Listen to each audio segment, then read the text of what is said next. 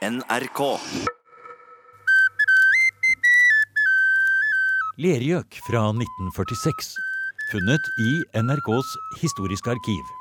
I et program som handlet om Holja på Ringerike, Asbjørnsen og Mo og Turistforeningens nye hytte.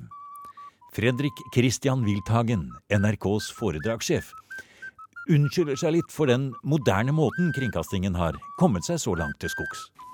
Vi moderne barbarer, vi startet fra Oslo for et par timer siden, og er kommet nesten helt opp på Asksetra i bil. Det klinger rent blasfemisk, ja, til og med et så uhyggelig moderne redskap som en reportasjebil har vi med her. Men likevel, alt moderne stell kan ikke forstyrre stemningen som hviler over bygda i det hele, og ikke minst her oppe i åsen. Den blir aldri borte. Og også vi skal jukse når det gjelder å komme seg til Hovingkoia. I 80 år lå den ved et skogstjern på Ringerike. Nå har denne turistforeningshytta fått helt ny adresse. Nå er vi jo midt på torget på Norsk Folkemuseum. der Vi har, vi har jo bysamlingen rett bak oss her. Så skal vi gå ut av byen og så inn i landsbygda. Vi skal vel gå gjennom Setesdal først, det er det vi kommer til først. På denne vandringen. Det er folklorist Audun Kjus på Norsk Folkemuseum som skal fortelle om Hytteliv, det nye prosjektet til Norsk etnologisk granskning. Sammen med oss på fjelltur er også tidligere generalsekretær i Den norske turistforening, Sverre Larsen, og etnolog Trond Bjorli, også han fra Folkemuseet. Folkemuseet som friluftsmuseum er jo utforma som landet i seg selv. At du starter på torget i byen, og så beveger du deg ut på landsbygda. Og gjennom de ulike bygdene. Og når vi nå går, skal gå opp til hytta, så kommer vi til å gå f.eks. via Østerdalstunet og opp. Vi kan passere Husmannsplassen, beveger oss stadig litt oppover. Og så kommer vi oss helt opp i høyden, og der ligger hytta. Akkurat der den skal ligge. Ja, for vi skal jo på hytta, ikke sant Larsen? Ja da, det skal vi. Vi skal til Hovindkoia, som har fått en fantastisk plassering her på Folkemuseet for ikke mange ukene, månedene siden. Hovindkoia? Ja, den lå i Holløya og har eh, tjent sin, eh, sin, tid. Nå kommer det vel en ny hytte på det stedet den sto, men eh, denne koia syns vi er veldig typisk da, for Turistforeningen for den tiden. Um, og hytter er jo veldig viktig i Norge. Det er jo en del av dagliglivet til nordmenn. Har vært det en, en god stund. Selv om hyttehistorien har jo gått gjennom mange forskjellige faser. da. Sånn at Den fasen vi vel fortsatt befinner oss i, den, den starta på mange måter på 1960-tallet med privatbilismen. Når det ble mulig for folk å komme seg til og fra litt mer sånn bortgjemte steder i utmarka. Vi skal etter hvert som vi har Når vi kommer inn igjen fra fotturen vår, så skal vi komme litt tilbake igjen til det moderne hyttelivet, og hvordan dere forsker på det nå. Men her, Trond, det vi er på vei til nå, det er jo Ja, nå skal vi vel gjennom en husmannsplass kanskje først? Ja, vi skal klatre oppover i lia, får vi vel si. Ja, det passer jo fint. Og opp og vandre gjennom husmannsplassen. Og videre opp til DNT-hytta Hovinkoia, da. Mm. Som ligger da øverst i terrenget her. Og med en ja, det kommer til å bli et praktfullt turmål, helt enkelt. Fordi den, det er en liten vandring og klatring opp alt etter hvilken rute man velger.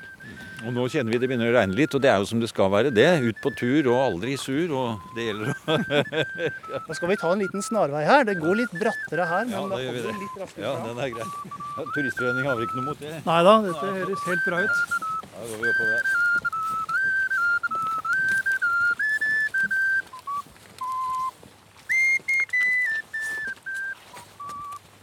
Vi har formannen i Den stedlige turistforening, Oddvar Grønli, ved mikrofon. Han har også vært med på turen hit opp i dag. Og vi retter et par spørsmål til han. Hva mener De, herr Grønli, at uh, Holløya har å by uh, fotturistene? Det er jo så at de fleste turistene de vil gjerne følge de mest tråkkede veiene. Og derfor er det Turistforeningenes oppgave å prøve å trekke de vekk fra disse, det meste tråkket. Her inne på Holløya her eh, finner vi noe som eh, etter hvert blir mer og mer sjelden på Nordmarka. Man finner den ekte skogsstemningen. De har her eh, opprettet to fine koier, Hovinkoia og Grønnknutkoia, hvor alle turister kan få godt og billig nattelosji. Fotturistene søker også romantikken, og sjølsagt alle kjenner Asbjørnsens skildringer herifra. Så de gamle minnene her innenfra de taler jo også sitt språk, og drar også folk til traktene her omkring. I tida framover blir det uten tvil et større innrykk på denne nye ruta, men jeg har, en, har inntrykk av, en følelse av, at eh, skogeieren ikke er redd for dette inntrykket. Fordi Turistforeningen den driver jo en ganske stor og utmerket propaganda over at folk skal ferdes med forståelse og med varsomhet i skog og mark. Her er vi tilbake i NRKs historiske arkiv fra 1946, da kringkastingen var på besøk nettopp ved DNTs Hovingkoia, som nå skal på museum. Som vi hørte foredragssjef Wilthagen nevne, så trodde han ikke grunneierne hadde noe imot mer trafikk av turgåere. Dette var jo tross alt mange år før Stortinget vedtok friluftsloven i 1957, hvor allemannsretten og fri ferdsel i skog og utmark ble lovfestet. Ja, det er jo det er vi sier vi går med sjumilsskritt her, men det var jo en liten stigning også. Eh, ja, det er en liten eh, bakke her opp gjennom Husmannstunet. Usmannstunet. Vi har på en måte gått fra flatbygder og opp i dalene og opp i lia. Og nå nærmer vi oss fjellet, nesten. Ja. Vi har gått en tur fra byen og langt ut på, på landet vi nå, nå til da. Eh, vi, har det. Det kjennes faktisk sånn ut, selv om vi altså er på flate Bygdøy sør for Oslo. Ja, så har det likevel da fått en plassering hvor, som er en av Bygdøys høyeste, og hvor du kan skue ut i alle retninger. Stengt for publikum, står det. Det er et, nesten et, som et form for sauegjerde som står her. Eh, området er avsperret. Det er eh, avsperret. Eh, hytta er eh, nesten ferdig reist nå. Den skal åpne i februar i 2018 i forbindelse med DNTs 150-årsjubileum. Og eh, vi har fått på plass hytta, taket, grunnmuren med stein fra Holløya. Og eh, vi er eh, det står et stillas der. Vi er i ferd med å omarbeide pipeløpet, slik at vi på lovlig vis fra, med lov fra brannvesenet kan fyre. Slik at vi kan gjenskape den ekte hyttestemningen når du kommer på besøk her. Men fortell oss litt om hva det er vi går mot nå. En liten, eh, kan man si, enkel hytte? Ja, det er det jo absolutt. Og det var før det var selvbetjening og mat i hyllene. Så her måtte man ta med seg det man trengte. Men man fikk tak over hodet og madrass i sengen. Ja. Her er vi helt bort på Å, du har med deg nøkkelen, ja. Vi, vi har med nøkkel, så vi skal da få låst opp. Og så bra. som du ser, eh, opprinnelig var det to trapptrinn opp, og det skal det bli igjen når vi fyller ut omtrent i høyde med hjørnet av hytta der. Og eh, det gjør vi også for å kunne anlegge en eh, bålplass en, her ute hvor man kan samle en liten skoleklasse f.eks. Så ser vi også for oss at vi kan få et lite uthus på stolper i Bryne, der hvor vi kan ha ved, utstyr å bruke, og en utedo.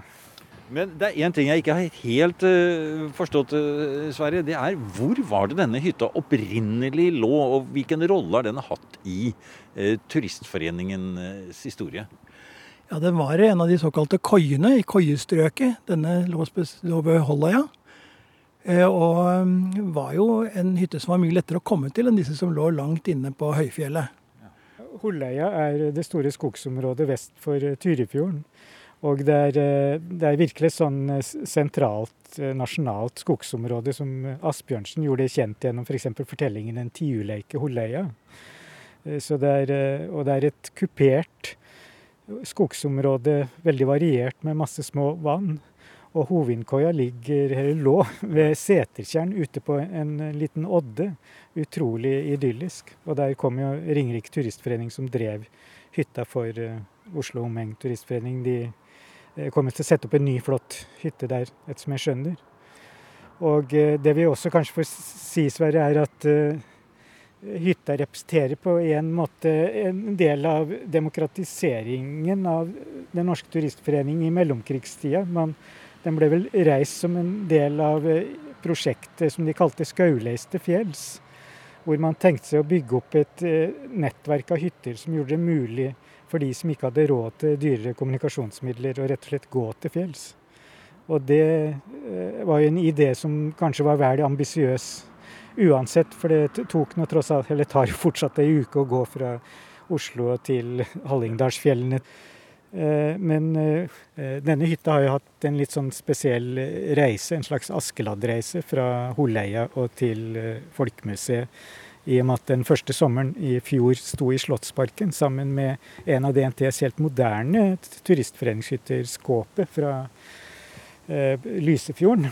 Og den er jo en helt moderne hytte hvor hele ene veggen består av glass, slik at du kan sitte i hytta og oppleve naturen. Så det er et helt sånt annet hyttekonsept. Men her gjelder det jo bl.a. altså relativt små vinduer for å stenge kulda ute. Og så titter du ut, men for å oppleve naturen, så går det jo ut i naturen. Og i dag så er det jo en hel industri rundt det med klær, sko, alt mulig rart, og utsikt og termovinduer osv. Så, videre. så hører vi om når denne hytta ble bygd, så skulle folk gå på sine ben fra byen. Eh, og være, skal vi si, nøysomme. Eh, ha med seg hjemmesmurt mat, selvfølgelig, og et eller annet sånn. Og det er jo ikke bare forskjell i arkitektur, det er forskjell i tankegang, væremåte. Det er, det er rart å tenke på hvor mye som er forandret bare på den tiden, og som egentlig arkitekturen på hyttene da eh, reflekterer. Eh, nei, det er jeg helt enig i. Det de skrev den gangen da de bygde hytter som dette, var at hyttene i fjellet skulle være små og enkle. Og en av grunnene var at man skulle spare på ved, og det var kostbart å frakte ved, og det skulle være raskt å varme opp. og man skulle i det hele tatt ikke uh, legge for mye beslag på det terrenget som man skulle ut og oppleve etterpå. Da går vi inn i hytta. Audun? Ja. Uh, jeg tenkte mens vi står her utafor hytta, så er en av disse beretningene som vi har fått inn i den minneinnsamlingen vi holder på med, den er jo faktisk fra akkurat denne hytta. Og den handler om da det er en mann som forteller om hans første fottur som han gikk aleine. Så jeg lurte på om jeg kunne få lese hvordan, Absolutt, la oss høre. Er vi da på 1930? Nei, vi er på 1990-tallet. 1994. Ah, da har hytta stått der i mange år allerede. Ja, ja. Han, men han eh, forteller da at eh, etter at han var i militæret, så tenkte han skulle begynne å gå på fottur aleine. Og, og, aller første turen han uh, tok, den gikk til Holleia. Og aller første hytta han overnatta på, da, det var akkurat denne hytta vi står utafor nå. Og så har han fortalt om, om åssen det var å komme dit. Han skriver at det var en lett tur inn fra parkeringsplassen, og det var med stor spenning jeg nærmet meg koia. Det ble et godt møte. En sjarmerende liten tøm tømmerkoie på en odde ved tjernet. Jeg tror det var en stor fordel å starte vandringslivet ved denne lille, enkle skogskoia ved vannkanten. Første gang jeg kom dit, var det fortsatt blåboks for matlaging, og dyner var ikke kommet ut. Det ble lakenpose med grått ullpledd over. Plassen innendørs er beskjeden, men uteplassen på Odden er nydelig. Fantastisk. Blåboksen, Sverre, hva er det? Det var eh, den tidens kokeapparat som besto av en eh, blå gassboks med en brenner oppå. Og Det er jo tross alt 1990, så det er jo nesten som i går. Ja, eh, ja og Vi hører jo at han hadde da med seg en lakenpose, og det er vel litt sånn stilen ennå? Ja da, det er absolutt stilen ennå. Eh, det trenger man på turisthyttene, hvis man ikke da velger å gå med sovepose, som en del gjør. Spennende. La oss gå inn nå, Trond. Og er, jeg syns det er litt morsomt å gå inn her nå, fordi det er jo eh, ikke åpent ennå. Så det er jo en sånn eh, liten sånn eh, forhåndstitt inn, dette, da. Det er en liten forhåndstitt inn, og det er, eh, ja, det er veldig fint å komme inn. Du vil kjenne at det lukter hytte. Ja. Mange generasjoner. La oss tenke nå 19, begynnelsen av 1930-tallet. En av de aller første hyttene. Stor, flott jernbeslag på døra her. Åh, kjenn på den deilige lukta. Og har du sett så flott? En blå, fin dørkar med rød trimmings rundt. Og kjenn den gode lukta. Vi går videre inn, inn fra vindfanget. Kommer nå inn i Nei, så fint. Sånn, det lukter godt. Å, det var nydelig. Og det er også utrolig sånn plasseffektivt utforma med fire køyer i hvert av disse to ganske små rommene. Et litt større oppholdsrom først, etter det lille vindfanget, hvor du har en koke, ovn å koke på og en bitte liten kjøkkenbenk. Ja, er det en gjøtul, eller er det noe annet der? Det må da være en Jøtul. Eller? Audun, du leser Unnskyld. Er det den, ja? Nummer 380. Nummer 380, ja. Hvis vi ser på siden her, så ser vi et uh, vakkert lite pastoralt motiv. ja. Uh, For meg ser det ut som to nakne damer, men Ja, ja, ja. Men det er jo sånn uh, den her, Det er en sanger her med sitt instrument, og så en nymfe der. Så at Ja. dette, er- dette er glade liv i naturen. ja, ikke sant? Oversetter det med huldra, kanskje. Ja, ja, ja, det kan være huldra, ja. Vi går innover, og det er rom på rom, men det er ikke store greiene til sammen. Og her er det også en om til. Her er det også en om til, og det har jo noe å gjøre med at uh, hytta er veldig enkelt uh, bygd. Det er ikke isolasjon i tak, det er ikke isolasjon i gulv, men det er relativt små rom, slik at det er raskt å varme opp og lett å holde varmt. Uh, og vi ser på disse køyene at det, det er ganske solid og fint utformet med små bord, vanger på sidene, som man kan bruke som nattbord og klyver på. Hva syns du om å, å komme inn her nå, Larsen? Ja, det er jo, For meg er det en duft av gamle dager. For jeg ble tatt med av søsteren min eh, da jeg var nokså liten, eh, på tur i, i koietraktene. Og da var vi på eh, ikke akkurat denne, men på helt like koier nesten, i Ådalsskogene. Og jeg husker godt hvordan vi satt på denne lille benken som er laget som en del av underkøya, og eh, spiste spagetti rett fra posen. Jaså? Ja, det var godt det, for en eh, liten gutt som både var sulten og som, eh, og som var veldig fornøyd med å være i selskap med sin storesøster. Det var før nudlenes tid, dette, da. Dette var før nudlenes tid, og det var hardt å spise, men det gled ned. Ja. Men hvis vi løfter hodet litt og ser opp, så ser vi jo at det går en stang gjennom rommet her. Det må vel være for å tørke tøy, det vel? Ja, der fant du stort sett eh, ullteppene, hvis det var gjort det som skulle gjøres. Ja, For de skulle henges opp der når man De skulle henges opp, for det, var, eh, det ble fort fuktig. Og um, alle har vel kommet til hytter som har vært litt kaldere og fuktigere enn man egentlig likte. Kan jeg stille Sverre et spørsmål? Fordi jeg lurer på om eh, en enkel hytte som disse skogskoiene, som denne hovedkoia er et eksempel på, eh, den innvarsler vel også et skifte i DNTs hyttebygging mot eh, flere og mindre og mer spredte hytter. Dels med sånn eh, forsøk på å spre eh, vandringen i fjellet til andre steder. Eh, fordi fram til eh, mellomkrigstiden så var mye av hyttebyggingen DNT fokusert på de store betjente hyttene hvor man presset inn veldig mange mennesker på, i ganske store bygg. Mens så kom de mindre hyttene, da, og særlig etter krigen kanskje, som eh, var eh, da ubetjente og selvbetjente. Og da fikk man vel også det behovet for proviant, som du kanskje kan si noe om, Sverre? Ja, det var jo egentlig først i midten av 50-årene at dette med ubetjente og selvbetjeningshytter kom for, eh, for alvor. Og det var mange grunner til det, som nevnt. Også spredt trafikken, men også dette at, eh, at det var mange som ønsket å gå i andre områder enn der hvor det var lett å komme frem. da. Finner mat og brensel og det man trenger på hytta, men eh, man må også gjøre jobben selv. Man må sette den hytta minst like godt i stand som den var da man kom. En kasse med mat, ja. Ja, vi liker vel å tenke på Klaus Hellberg som, eh, som mannen bak. Og han sa at han fikk inspirasjon til å prøve dette da han var i London under krigen. Hvor, eh, hvor avisgutten, da han hadde lunsjpause, satte frem en skål og la avisene ved siden av. Og britene la faktisk penger i skålen og tok avis. Og da tenkte Klaus hvis dette går midt i London, da går det på fjellet i Norge også. Og det har vel gått mye på hermetikk og lapskaus og spagetti rimini? Ja da, det har vært mye sånt. Og ikke minst eh, det vi syns er morsomt å snakke om, er jo eh, en spesiell type kaker som vi Altså kjøttkaker som vi fikk fra Slakteborgernes fellesutsalg. Klaus Helberg fikk tilbud på jeg tror kanskje det var 8000 han trodde bokser, men det var kartonger. Så denne spesielle medisterkaken den hadde vi på hyttene i veldig veldig mange år. Og den ble billig, relativt sett billigere og billigere i forhold til resten av hermetikken. Ja. Men jeg tenker den gikk ned på høykant på en av disse gjøtulovnene her, og folk var sultne og kom inn.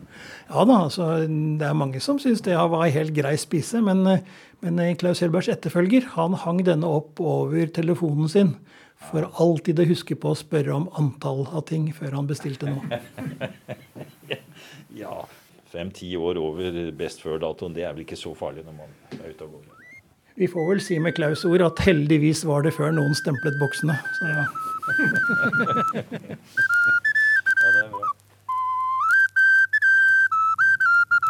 Hytteliv i Norge kan jo være så mangt. Og for den saks skyld er det vel også et temmelig særnorskt fenomen, dette med å gå på tur og reise på hytta. Og nettopp derfor ønsker Norsk etnologisk gransking, som egentlig er et stort arkiv, en minnebase på Norsk Folkemuseum, å samle inn historier og opplevelser fra helt vanlige privatpersoner som har et forhold til hyttelivet. Ja, og en del av dette samarbeidet som vi har med Turistforeningen, det handler om det at vi vi vil samle inn folks hytteerfaringer og hytteopplevelser for å få innblikk i denne historien mer sånn innenfra. For det at dette med så, så skjedde det på 30-tallet, og så skjedde det på 60-tallet, og hvordan hytta har påvirket landskap og nordmenns økonomi, og hvor mye tid man bruker og sånn, det er jo bare en litt sånn ytre del av historien. Så dette her med, med, hvorfor er vi så opptatt av disse hyttene, hva betyr de i livene til folk, der trenger vi folks hjelp til å, til å fortelle oss om, om, hva hytter har betydd i livene deres, og hvordan de bruker hytta, hva de gjør på hytta. Og send inn! For, det, for vi, trenger, vi, vil gjerne ha så mange forskjellige perspektiver og erfaringer på dette som, som overhodet mulig. Vi har lagd en innsamlingsplattform som heter minner.no. og Der har vi et prosjekt som heter Hytteliv. Og, og alle som eh, vil være med og, og ta vare på denne historien da, om livet i Norge. For dette er jo en del av historien om livet i Norge, sånn som Norsk Folkemuseum skal prøve å ta vare på. Og sånn som vi har holdt på i dette programmet, så skulle man jo kanskje tro at absolutt alle har et eller annet forhold til den norske hytta. Og kanskje er det sånn også, sier Trond Bjorli og Audun Kjus på Norsk Folkemuseum. For selv om man verken har hytte selv eller har tenkt å skaffe seg det, så er det ikke så lett å komme seg unna og i hvert fall ha en mening om den norske hyttedrømmen. Eh, veldig mange, jeg lurer på om noen har anslått så mye som omtrent halvparten av Norges befolkning eller sånt, har tilgang til en hytte. Fordi over 500 000 hytter blir ganske mange, og hyttene er jo ofte møtepunkt for slekten, og, og også for en ganske utvidet slekt. Så veldig mange har tilgang til en hytte. Og nå har vi jo snakket om DNT så langt, og eh, DNT har jo også en veldig økende oppslutning. De er vel snart i ferd med å passere 300 000 medlemmer, bare de. Eh, og de har jo hytter. Ja. Jeg vil bare supplere det der med at det, selv om kanskje ikke alle, alle har en hytte eller, eller, liker hytter i det hele tatt, så, så, kommer man jo ikke egentlig unna det. For det er jo en del av, av, det som folk driver med og snakker om. Og, og, og, hvis du bor på et sted som for andre er et uh, feriested, men for deg er det ditt bosted og ditt arbeidssted, så er jo også det med hytter noe som du ikke ja, slipper unna. da. Sånn at uh, erfaringene i møtet mellom de som er på ferie og de som er på jobb, det er også noe som er ganske spennende i denne historien. Som på mange måter handler om den der store reisen som Norge har tatt fra et veldig fattig land til et veldig rikt land. da at dette her er produksjonslandskapet som man var nødt til å bruke i Norge, fordi at Norge var et veldig fattig land, og vi måtte ta i bruk beiter på de øverste fjellene og ro langt ut på havet for å fiske og sånn. Det landskapet da, som er blitt omdefinert til et uh, fritidslandskap, og den arkitekturen som er blitt omdefinert til en fritidsarkitektur, der vi nå i dag bruker, har, har et, et, voldsomt forbruk som man kan uh, spørre om i det hele tatt er bærekraftig. Altså er den norske hyttekulturen egentlig økologisk bærekraftig? Det, det, er en viktig del av historien om Norge. Hytter det er jo både drøm og virkelighet. Det er tanken på det gode liv men samtidig så er det også veldig fysiske, materielle inngrep i det norske landskapet. Og det er veldig eh, fysiske, materielle deler av, av folks private økonomi. Hvordan de velger å bruke de, de ressursene som de har. I dette her eh, innsamlingsprosjektet vårt på minner.no, der vi spør folk om å fortelle fra sitt eget hytteliv, der vil vi jo gjerne få innblikk i begge deler. Og vi tror vil, at vi vil få det fint hvis, hvis, folk vil fortelle oss om hva de gjør på hyttene sine. Hva slags turer de drar på, hvem de drar dit sammen med. Hva de setter pris på på disse turene, og, og, og hvordan de bruker tida si når de er på hytta. hvordan hytta ser ut, og hvordan de gjerne ville at den skulle se ut. Hvis folk kan hjelpe oss med det, så blir vi veldig takknemlige. Og da er jeg spent på om de avslutter slik som Werner Wernskjold gjør. Han sier at det som kanskje er viktigst for han med denne hytta, det er at han skal ha et skjul til redskap, sag og øks, spett og hagge, huggjern og høvel. Og når været er bra, så kan jeg jo stelle litt med jorda, rabarbra og reddiker. Men er været dårlig, så kan jeg stå i skjulet og snekre.